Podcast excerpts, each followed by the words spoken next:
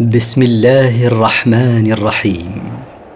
مركز تفسير للدراسات القرآنية يقدم.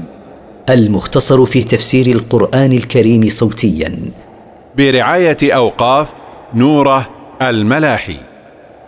سورة العصر مكية. من مقاصد السورة أسباب النجاة من الخسارة. التفسير. والعصر. أقسم سبحانه بوقت العصر.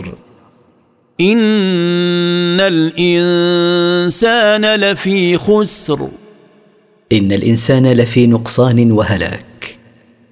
إلا الذين آمنوا وعملوا الصالحات وتواصوا بالحق وتواصوا بالصبر. إلا الذين آمنوا بالله وبرسله وعملوا الأعمال الصالحات وأوصى بعضهم بعضا بالحق وبالصبر على الحق فالمتصفون بهذه الصفات ناجون في حياتهم الدنيا والآخرة.